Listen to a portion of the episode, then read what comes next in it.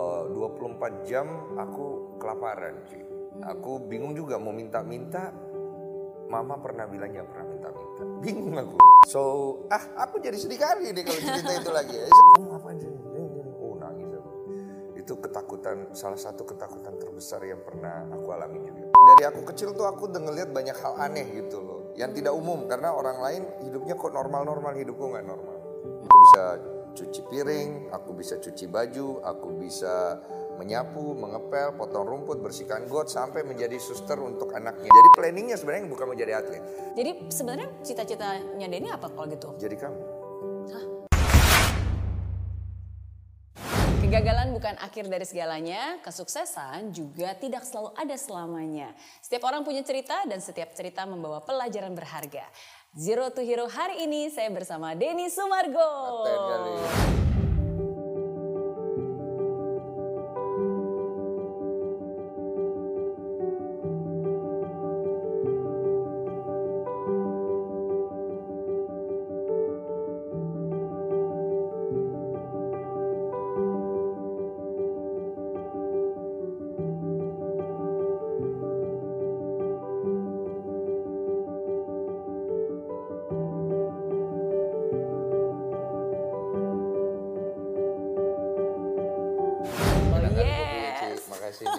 Makasih udah diundang ya. Makasih, sama-sama. Siap, siap. Aku yang thank you uh, seorang Denny Sumargo mau meluangkan waktu datang ke sini. Mau lah, ini paten kali lah. Aku pecinta kamu juga filmnya, bukunya, terus juga YouTube-nya, eh, edukasinya. Yang benar.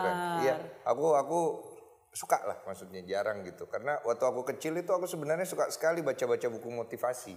Oh iya? Heeh. Aku tuh dulu suka ke kayak supermarket, biasanya ada buku yang udah kebuka plastiknya. Iya. Nah, aku baca gratis karena aku udah ada uang, Ci. Hmm, baca Tunda Oke. Semua Ringin, eh, terus eh, apa Revolusi, Chicken Soup apalah itu semuanya Wow. makan Law of Attraction. Isinya ya. Keren, keren, keren. Iya, Tapi itu satu hal lagi yang em, saya sendiri nggak nyangka bahwa seorang Denny Sumargo, ya itu kan suka baca buku dari kecil. Dan semakin kan kalau ada istilah tak kenal maka tak sayang ya. Iya, betul. Semakin saya mengenali dan mencari tahu siapa sih sosok Denny Sumargo gitu. Dan em, terus terang I'm, I'm, I admire em, your strength, kekuatan kamu, perjalanan kamu, semua proses dan ada banyak hal yang sebenarnya mungkin buat saya itu sesuatu hal yang baru sih.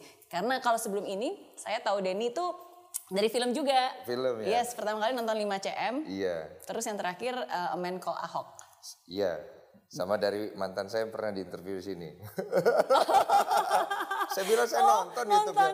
Oh, saya ini data saya kuat loh, Ci. Soalnya orangnya kelihatan cuek ya. nonton aku semuanya. Oh iya. Paten aku. Oke, oke. Thank you, Iya. thank you. Dan hari ini um, hari ini Denny-nya yang hadir ke sini. Iya. Yes. Tapi aku mau bilang nih, jadi sebenarnya aku nggak pernah nyangka bahwa bakalan ketemu sama Denny Iya. di sini. Eh, tapi itu semua berawal dari Instagram. Iya. Iya, tiba-tiba, tiba-tiba tuh aku di DM sama follower. Jadi Iya. mungkin follower aku juga followernya Denny. Iya. Terus jadi follower aku eh, kayak nge-tag aku, terus eh, ada Denny lagi Insta Story. Kayaknya aku perlu ke sini nih. Karena aku punya masalah dengan public speaking dan juga cara berpikirku ini. Ini kayaknya tempat yang bagus ya. Ada Instagramnya nggak nih? Eh, bagus. Iya, eh, gedungnya Mary Riana yang di Kelapa Gading. Kelapa Gading. Itu gedung apa sih, Ci? Itu Meridana Learning Center. Oh, tempat itu salah belajar ya, satu learning. cabang kita. Aku lagi nunggu-nunggu, aku lihat, uh Mary Riana paten kali ada gedungnya. Aku bilang, ini keren nih, gue bilang gitu. Udah gitu doang, nggak ngetek siapa-siapa. Hmm. Terus aku tiba-tiba di WhatsApp sama Cici kan. Den, ini Ci Mary, eh apa, eh, Mary gini gini gini. Oh iya deh, boleh boleh. Yaudah. Gitu Iya, aja. itu emang emang pas lagi ada di Kelapa Gading. Ah, ah, aku lagi ada urusan di sana, terus aku sembari nunggu, aku lihat gedungnya udah. Aku orangnya tuh ekspresif gitu aja. Hmm. Ah. Jadi begitu ngeliat sesuatu, ada kepikiran sesuatu langsung. Iya, sebenarnya pengen diundang aja aku. undang aku.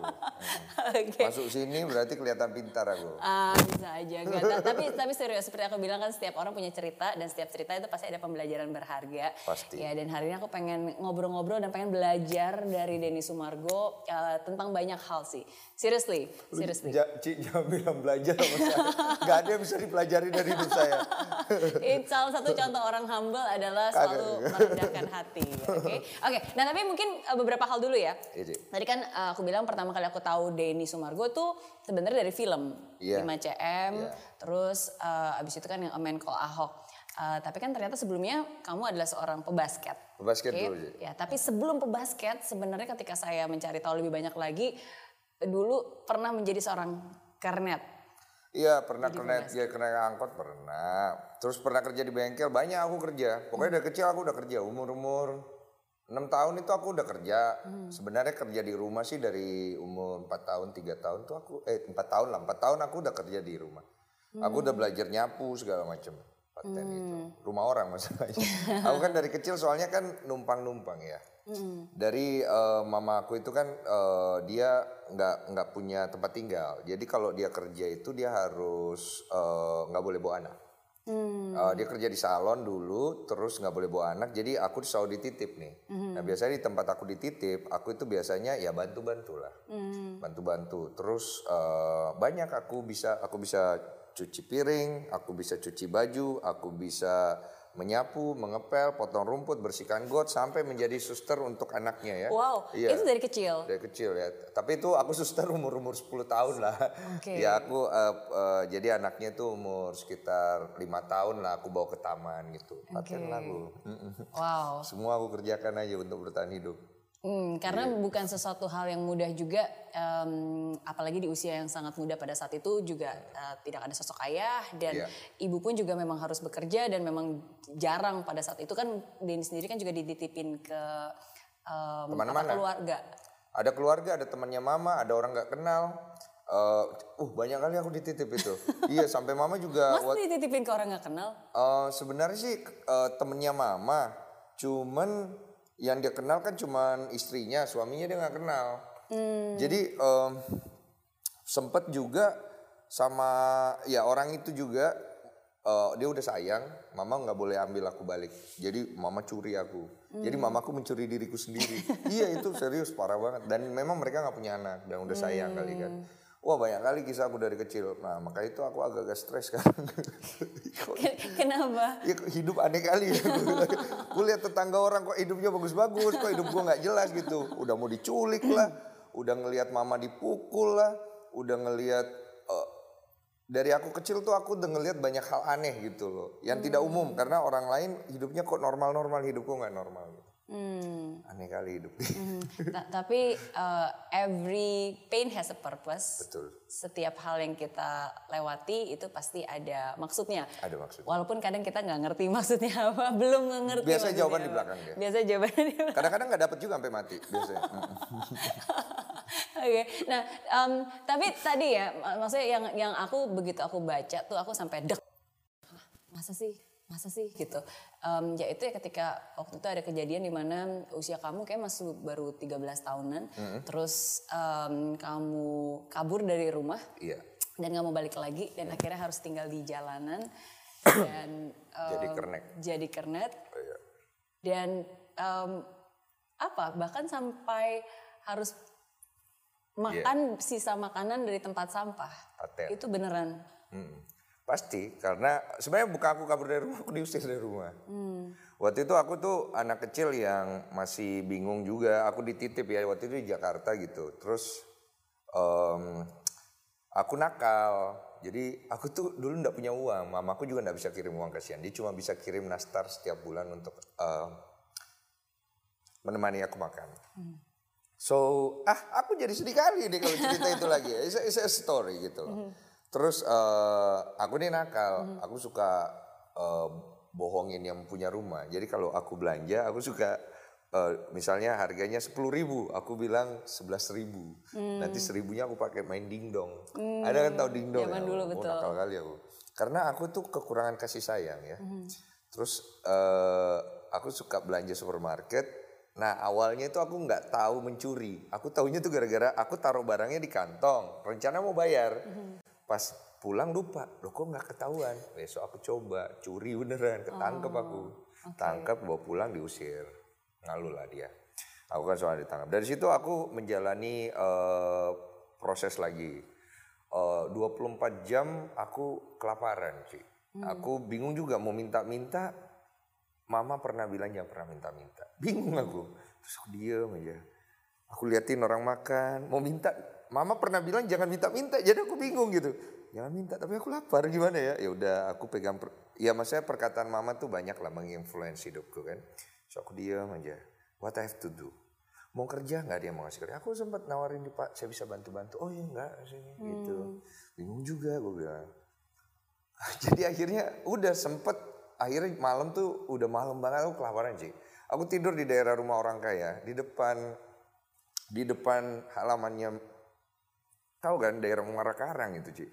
itu yang kan gotnya gede-gede. oh rumahnya gede-gede terus gotnya juga gede-gede kan. Kan nyamuknya banyak ternyata. Aku pikir rumah orang kaya gak ada nyamuknya ya. Ternyata banyak nyamuknya. Terus aku tiduran gitu terus lapar gitu, kedinginan, bingung. Terus mah rumputnya juga tajam ya kan. Akhirnya aku lihat-lihat sampahnya, wah ada biskuit paten kali. Sikat aja dulu, Ci. Kalau lagi lapar, Ci. Otak kita tuh udah gak bekerja, Ci. Makanya kita nggak bisa nyalain orang ketika mereka lapar bikin perbuatan atau sikap-sikap yang kasar atau kericuhan itu nature gitu. Ya udah aku makan situ dapat terus aku jalan lagi akhirnya aku terdampar di eh, kayak perhentian bus B02 Muara Karang Senen. Di situ aku cari anget karena dingin kan. Nah, aku instingku berkata itu dia punya lantai itu panas pasti kan. Kan kalau kita naik bus kan lantai itu kan pasti anget kan. Ah, oh, sini enak nih aku tidur aja. Pinter juga berarti. Insting, udah insting, itu. iya. Oh tidur, wah anget ya udah. Eh ternyata ketahuan. Yang punya mobil eh, naik terus aku pikir ini orang baik.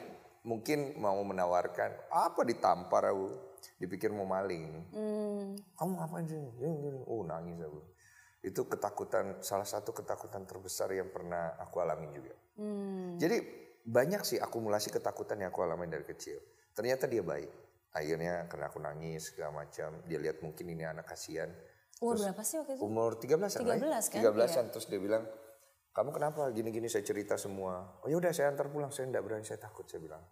Terus ya udah kamu tidur sini aja. Terus dia turun. Mukanya itu serem, Cik. Hmm. Terus dia naik lagi, dia naik lagi. Kamu udah makan belum? Belum. Eh, Bingung juga mau jawab kan. Eh, ikut dibawa ke warung makan Indomie. Hmm. Indominya enak kali. Mohon maaf ya nyebut merek ya. Minstan, Minstan. Minstan Enggak, enak. saya juga suka. Iya enak banget sih. Itu di situ saya baru sadar bahwa ternyata banyak hal eh, dalam hidup saya yang saya masih pegang sampai sekarang. Kita nggak bisa judge the person by their looks. Dan biasanya orang yang tampangnya seram dan keras itu hatinya biasanya lembut. Biasanya, not everyone. So di situ aku belajar. Karena saat itu aku berpikir orang-orang yang mukanya baik ini, orang-orang hidupnya baik ini akan menolong aku. But they didn't. Bukan karena mereka nggak mau juga. Mungkin timingnya. Timingnya gitu. Tapi ada juga orang yang citranya baik, but they don't. Gitu. So itu yang bikin aku bingung sampai aku dewasa untuk memilah mana baik dan buruk. Iya, Karena kan susah akhirnya kita mau mengacu kepada apa gitu loh. betul. Artinya kan tak kenal tak sayang. Tapi kan kalau kita nggak nggak pernah ngobrol juga kita mau nilainya gimana. So itu cukup membingungkan aku sih sampai aku dewasa. But now tidak sih udah nggak gitu. Oke. So aku grow up dengan banyak kebingungan dan ketakutan. Lalu apa yang menjadi titik balik? Bagaimana akhirnya dari eh, seorang anak dengan usia 13 tahun mengalami begitu banyak kesulitan, kerasnya hidup, terus tiba-tiba bisa jadi basket? Pebasket. Aku jadi pebasket nggak sengaja. Jadi dulu aku sekolah tuh aku udah malas sih. Aku SD adalah maaf sombong ya. Aku murid paling Dimaafkan. pintar, iya, murid paling pintar yang pernah ditemukan di sekolah. Mm-mm. Aku ranking satu tidak pernah miss. wow. Aku kerjaan matematika orang kerjaan dua jam, aku bisa kerjaan cuma 15 menit. Karena aku punya nature selalu mensimplify everything. Cuman arogansiku memang tinggi. Tapi Dari sejak kecil. kecil. Oke. I have a big confidence about myself, tapi di satu sisi aku juga punya eh apa? Aku malu sama diriku sendiri. Jadi ada dua sisi. Kok bisa bangga tapi malu? Iya, aku bangga. Aku percaya bahwa aku hidup di dunia ini. Aku aku itu orang hebat dari kecil. Cuman aku satu sisi malu karena ternyata aku tuh miskin. Aku nggak punya uang. Aku tuh sebenarnya nggak keren-keren amat. Jadi ada dua sisi yang bertolak belakang. Tapi aku selalu unggulin yang ini, sisi yang kuat ini. So aku tumbuh seperti itu. Nah, yang membuat aku bisa sukses eh, bukan sekarang ya saat itu Iya. adalah kebencian dan kemarahan yang ada dalam diriku. So I grow with that. Aku Marah gunakan terhadap apa?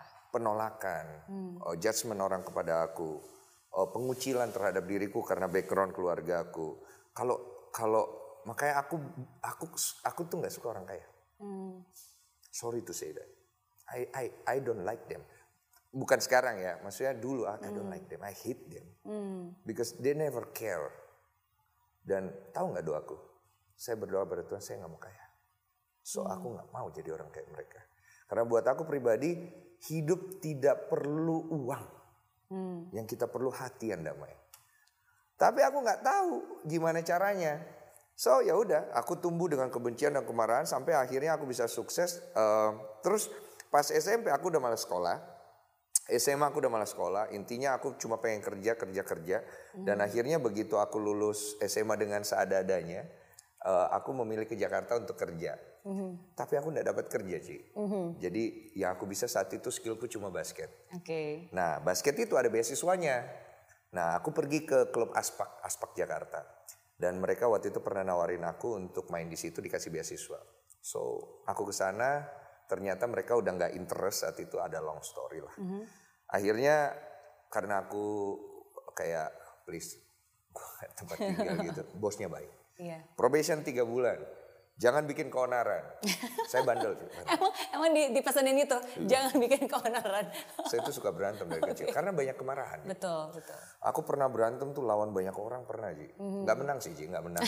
nggak nggak menang kalau menang bohong itu. Iya. Tapi berani dulu aja. Jadi udahlah singkat cerita akhirnya karena beasiswa itu kemudian aku eh, bisa kuliah.